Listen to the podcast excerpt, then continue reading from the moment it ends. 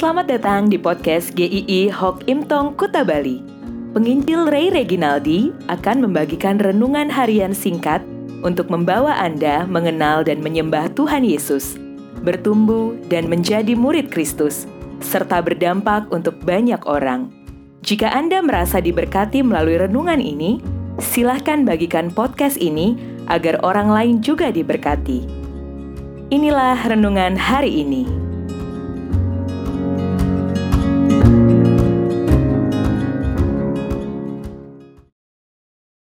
Kebencian yang mematikan. 2 Samuel 17 ayat 1 sampai 14. Dengan ayat Mas Mazmur 41 ayat 10. Bahkan sahabat karibku yang kupercayai yang makan rotiku telah mengangkat tumitnya terhadap aku. Rasanya dihianati pasti sangat menyesakan dan menyakitkan. Dihianati biasanya identik dengan orang-orang yang terdekat dengan kita. Orang-orang yang sudah dipercaya, orang-orang yang dianggap saudara, sahabat. Dan itu akan membekas pada diri kita begitu lamanya. Dan kadang ada yang belum pulih sampai hari ini. Malah itu bisa berubah dari sakit hati menjadi dendam kesumat yang mematikan. Hal yang sama terjadi atas seorang yang bernama Ahitofel. Mungkin ini namanya asing bagi sebagian besar kita. Profil singkatnya adalah dia seorang penasehat, penasehat Raja Daud yang memiliki hikmat yang luar biasa. Tetapi inti ceritanya adalah Ahitofel, sang penasehat ini justru membelot dan bersekongkol dengan Absalom anaknya Daud untuk mengkudeta tahtanya Daud. Pertanyaannya, mengapa bisa Ahitofel, orang yang sudah bertahun-tahun bersama Daud, orang yang dekat dengan Daud, tega membelot seperti itu? Apakah kuasa yang dimilikinya kurang? Apakah karena uang? Alkitab tidak mencatat semuanya itu. Tetapi kalau kita melihat lebih luas lagi, kita melihat silsilah keluarganya, mungkin kita baru mengerti mengapa Ahitofel bisa berkhianat kepada Daud. Ahitofel memiliki anak yang bernama Eliam, yang termasuk daftar pahlawannya Daud, orang yang berjuang, berperang. Kemudian Eliam mempunyai anak yang bernama Bathsheba, yang diambil begitu saja oleh Daud menghancurkan rumah tangga Batsheba dan Uria suaminya. Menyusun rencana sebegitu rupa oleh Daud sehingga Uria mati di medan pertempuran. Inilah yang kita bisa lihat menjadi motif utama pengkhianatan Ahitofel, yaitu dendam, sakit hati, kebencian. Keluarganya sudah mengabdi pada Daud. Mungkin dia berpikir kurang apa lagi saya pada Daud.